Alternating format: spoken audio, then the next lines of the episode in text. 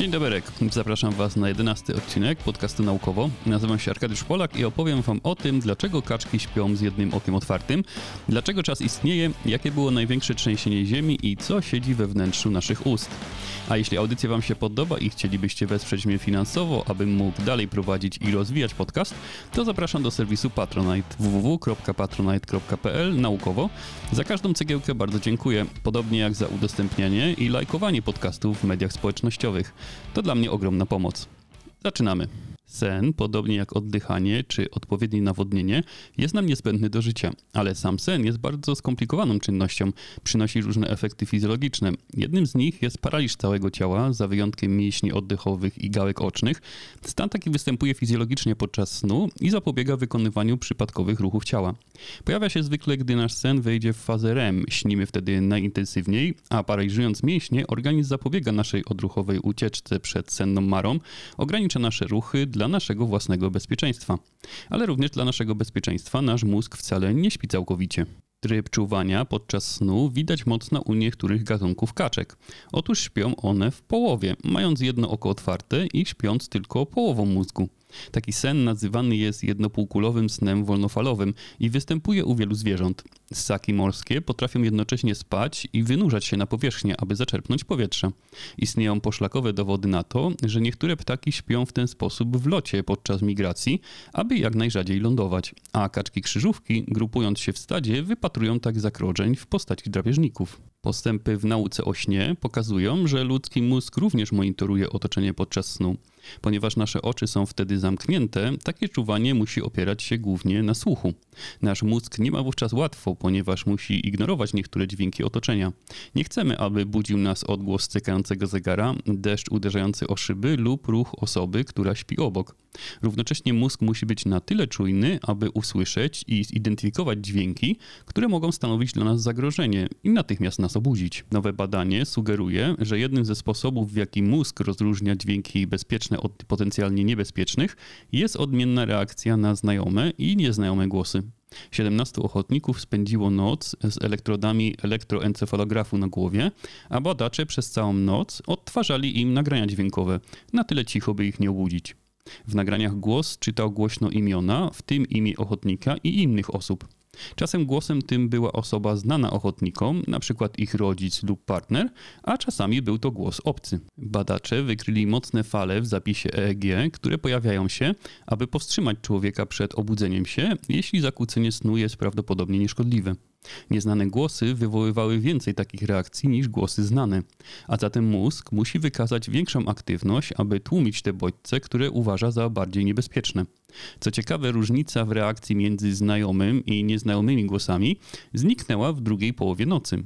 Może to świadczyć o tym, że mózg uczy się, że nieznany wcześniej głos nie jest zagrożeniem. Nieznane głosy wywoływały również więcej mikrowybudzeń niż głosy znajome. Mikrowybudzenia są normalną częścią snu i pojawiają się w zapisie EEG jako krótkie połączenie aktywności mózgu, przypominającej zarówno sen, jak i czuwanie. Mogą trwać kilka sekund, ale zazwyczaj nie prowadzą do całkowitego przebudzenia. Wcześniejsze badania wskazywały, że mikrowybudzenia mogą odgrywać rolę w przetwarzaniu informacji z otoczenia w celu określenia, czy stanowią one zagrożenie, czy nie. To bądź co bądź niewielkie badanie wskazuje, że nasz mózg podczas naszego snu ciągle analizuje nasze otoczenie, nawet gdy głęboko śpimy i jest w stanie podjąć natychmiastową decyzję, czy nas obudzić, czy pozwolić nam dalej słodko spać a odgłosy, które na stałe występują w otoczeniu, w którym śpimy, są segregowane i używane do podjęcia takiej decyzji. Badanie może również tłumaczyć, dlaczego niektórym z nas ciężko się śpi w nowym środowisku poza własnym łóżkiem i pokazuje, że nasz mózg jest naszym wartownikiem nawet wtedy, gdy podaje nam marzenia senne. Przeciwieństwie do nas, Ziemia nie śpi nigdy, choć czasem i w jej historii budzą się demony. Jednym z nich są na pewno trzęsienia ziemi i tsunami, które należą do najbardziej katastrofalnych wydarzeń, jakie dotykają społeczności ludzkie. To w takich chwilach cywilizacja ludzka jest wystawiona na próbę, a natura sprawdza nasze przystosowanie do środowiska i zdolności do obrony. Szczególnie społeczności nadmorskie i wyspiarskie są narażone na takie naturalne zagrożenia, dotykając nie tylko ludzi, ale także infrastrukturę i zasoby, z których ludzie korzystają. Nauka pomaga w ocenie ryzyka sejsmicznego i ostrzega przed tsunami. Badania nad tymi zjawiskami mają krytyczne znaczenie dla rosnącej liczby ludności na świecie, która jest coraz bardziej narażona na działanie aktywnych granic tektonicznych. Szacuje się, że od początku tego tysiąclecia życie w największych trzęsieniach Ziemi straciło około 700 tysięcy osób. Takie kataklizmy zachodzą na skutek ocierania się o siebie i pękania dwóch płyt tektonicznych, czyli fundamentów, na których opierają się lądy i morza. Najsilniejszy wstrząs tektoniczny, odnotowany w dotychczasowej historii pomiarów sejsmicznych, to trzęsienie ziemi, które nawiedziło południowe Chile 22 maja 1960 roku i miało magnitudę 9,5. Tak olbrzymi wstrząs wywołał falę tsunami, która pokonując cały Pacyfik, dotarła aż na Hawaje, oddalone od epicentrum o 10 tysięcy kilometrów. Łącznie zginęło wówczas 1655 osób, a ponad 2 miliony osób zostało bez dachu nad głową. Nowe badania wykazały, że w północnym Chile miało miejsce jeszcze jedno gigantyczne trzęsienie ziemi. Kataklizm miał miejsce 3800 lat temu, magnitudy około 9,5, a powstałe w jego wyniku tsunami uderzyło w kraje tak odległe jak Nowa Zelandia, gdzie głazy wielkości samochodów zostały przeniesione przez fale prawie kilometr w głąb lądu. Dowody wskazujące na tak ogromne trzęsienie ziemi znaleziono nawet na pustyni Atacama w Chile w postaci osadów morskich i śladów wielu stworzeń, które mogły żyć w morzu, zanim zostały wyrzucone daleko w głęb lądu przez gigantyczne fale. Wiadomo, że ze względu na stabilność, bogactwo i przewidywalność zasobów morskich, społeczności ludzi zamieszkują tamte rejony nieprzerwanie od ponad 12 tysięcy lat, skutecznie przystosowując się do tego ekstremalnego środowiska, pomimo zmian środowiskowych i skutków epizodycznych katastrof powszechnych na pacyficznym wybrzeżu Ameryki Południowej. Niestety ówczesne społeczności nie były przygotowane na tak ogromną katastrofę, głównie dlatego, że potężne trzęsienia ziemi i tsunami występują stosunkowo rzadko z ludzkiej perspektywy czasu. Co więcej, współczesne badania wykazują, że społeczności dotknięte katastrofami społeczno-naturalnymi chcą szybko zamazać wspomnienia dotyczące tych wydarzeń, co zwiększa ich podatność na przyszłe zagrożenia. A skutki tego starożytnego kataklizmu były potężne. Podczas wykopalisk na stanowiskach archeologicznych znaleziono kamienne budowle zniszczone przez fale, leżące pod osadami naniesionymi przez tsunami. Niektóre ze ścian przewróciły się w kierunku morza, najprawdopodobniej pod wpływem silnych prądów wstecznych tsunami.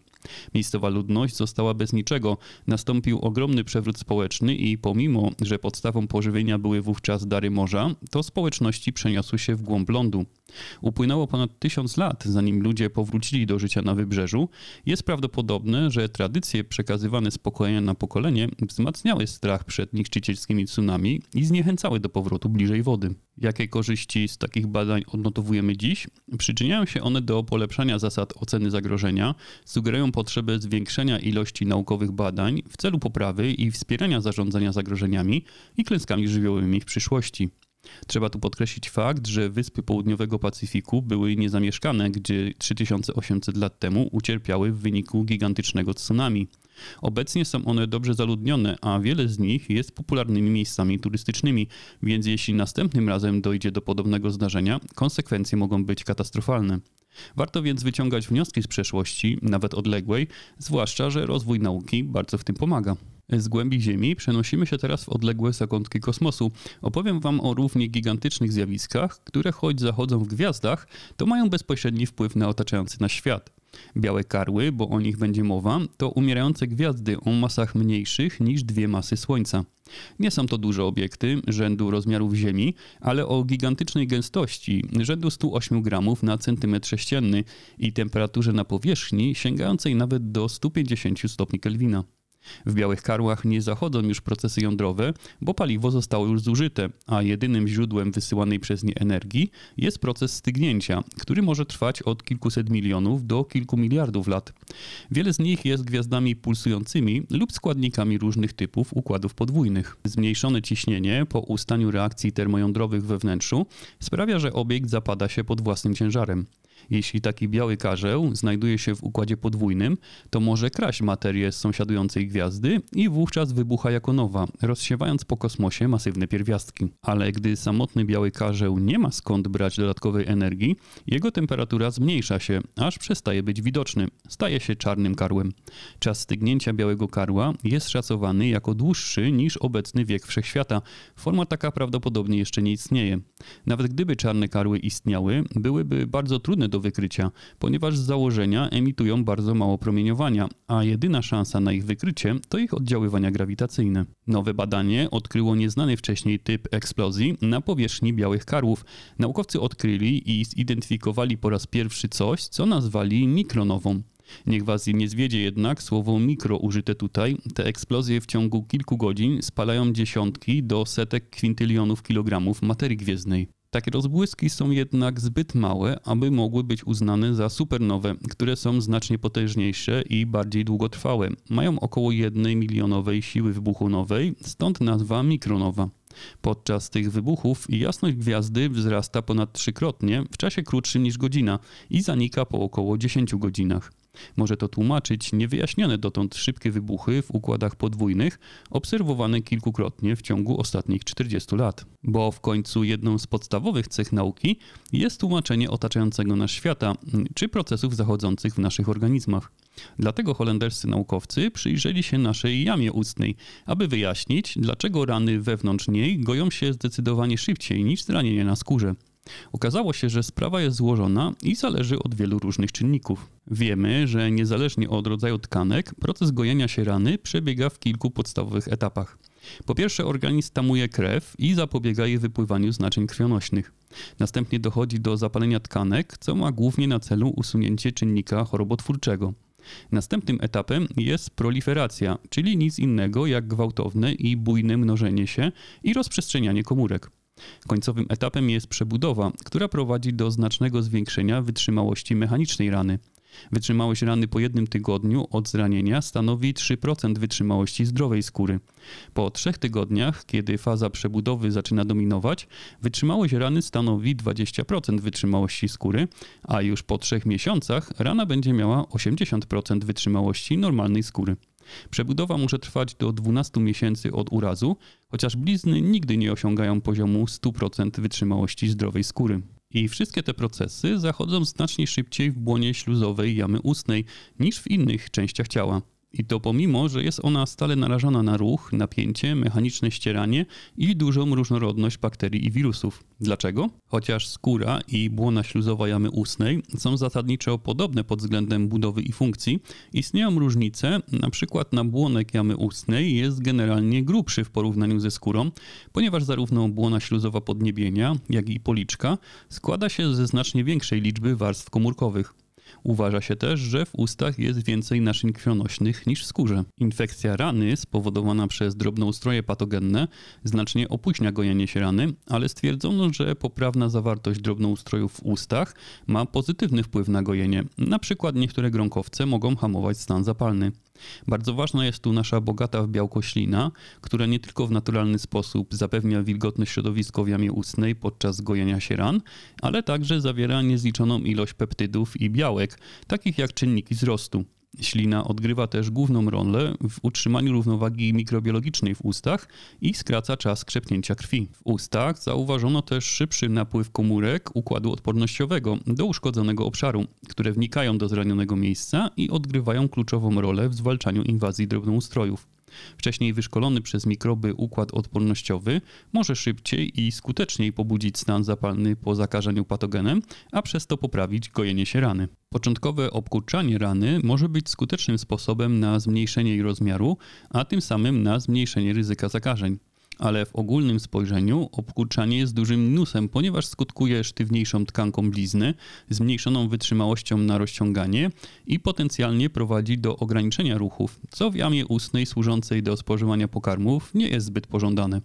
Ale i tu organizm sobie radzi i ekspresja pewnych genów jest wyższa w ustach w porównaniu z komórkami skóry, co może tłumaczyć szybsze i pozbawione blizn gojenie się ran w jamie ustnej. Dzięki zrozumieniu mechanizmów gojenia się ran w ustach możliwe będzie uzyskanie wiedzy na temat tego, jak doprowadzić do zmniejszenia blizn na skórze, a nawet do całkowitej regeneracji tkanek po zagojeniu się rany wraz z upływającym czasem. Ale co w przypadku, gdy czas nie istnieje, gdy jest tylko wytworem ludzkiej myśli i odczucia, a w rzeczywistości w ogóle go nie ma? Ostatnie stulecie przyniosło nam wiele odkryć, ale dwa z nich są szczególnie ważne i niosą ze sobą konsekwencje dla postrzegania przez nas czasu. Te dwie teorie fizyczne to ogólna teoria względności i mechanika kwantowa. Dodam tu od razu, że słowo teoria to nie to samo co hipoteza. Te fizyczne teorie to nie hipotetyczne domysły, są one udowodnione eksperymentalnie, a ich prawdziwość dostrzegalna jest przez nas na co dzień. Słowo teoria należy tu raczej traktować jako opis i wyjaśnienie istniejących zjawisk, a nie jako nieudowodnioną jeszcze tezę.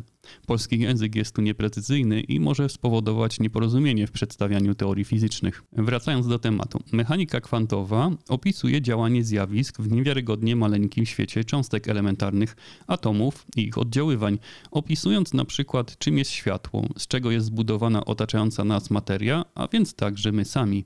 Wyjaśnia także czym jest przewodnictwo prądu lub magnetyzm. Drugie wielkie osiągnięcie nauki to ogólna teoria względności, która opisuje grawitację i ruch obiektów. Podstawową ideą teorii względności jest to, że wszelki ruch określa się i mierzy względem innych określonych układów odniesienia. Skutkiem tej teorii jest to, że nie ma jednego czasu uniwersalnego dla każdego z nas, że czas rejestrowany przez zegar zależy od jego ruchu podczas przemieszczenia się we wszechświecie. Oznacza to również, że czas płynie wolniej, gdy poruszamy się szybko, czyli że bliźniak wyruszający w kosmos będzie starzał się wolniej niż jego rodzeństwo, które pozostało na Ziemi. Co więcej, takie postrzeganie czasu musi być brane pod uwagę w codziennych czynnościach i ma znaczenie na przykład, gdy korzystacie z nawigacji w samochodzie. Ponieważ czas płynie inaczej dla Twojego smartfonu tu na Ziemi i inaczej dla satelity GPS krążącego po orbicie, to należy te różnice uwzględnić. Każdy satelita jest wyposażony w swój własny zegar atomowy, tak dokładny, że traci mniej niż jedną sekundę co 10 miliardów lat. Gdyby zegar na pokładzie satelity GPS był niedokładny nawet o ułamek sekundy, to mógłby pokazać naszą pozycję z ogromnym błędem, a cały system GPS byłby niemożliwy do użycia. Fizycy bardzo by chcieli połączyć te dwie, sprzeczne zarówno ze sobą, jak i z intuicją teorie. Szukają nowych wyjaśnień świętego grala fizyki, nowej, bardziej ogólnej teorii kwantowej grawitacji. Miałaby ona wykorzystywać mechanikę kwantową i ogólną teorię względności i wyjaśniać, w jaki sposób grawitacja w skali makro działa w miniaturowej skali cząstek. Wiele nowych hipotez wydaje się w ogóle eliminować czas jako podstawowy aspekt rzeczywistości. Ale przecież czas jest rozpoznawany przez naszą świadomość i nasze rozumowanie. Wiemy, że biegnie w jednym kierunku, zawsze dąży do entropii, czyli chaosu. Gdy zbudujesz na plaży zamek z piasku i zostawisz go samemu sobie, to czas spowoduje, że rozłoży się on na pojedyncze ziarnka piasku i z budowli nie zostanie nic. Ale choćbyśmy nie wiem jak długo czekali, to nie nastąpi taka sytuacja, że z pojedynczych ziaren piasku pod wpływem czasu powstanie zamek.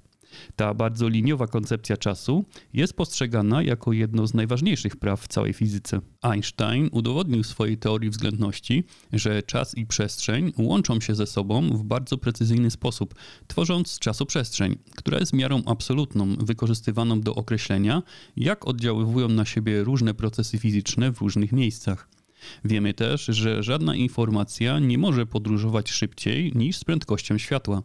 Każdy punkt czasoprzestrzeni jest ograniczony w sposobie, w jaki może komunikować się z innymi obszarami czasoprzestrzeni.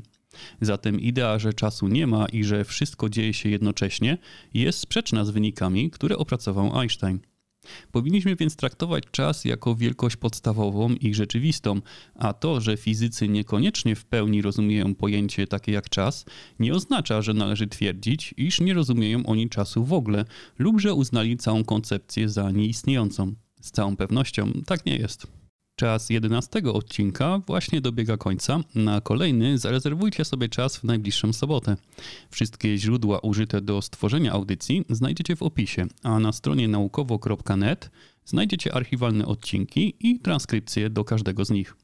Dziękuję Wam za uwagę i do usłyszenia.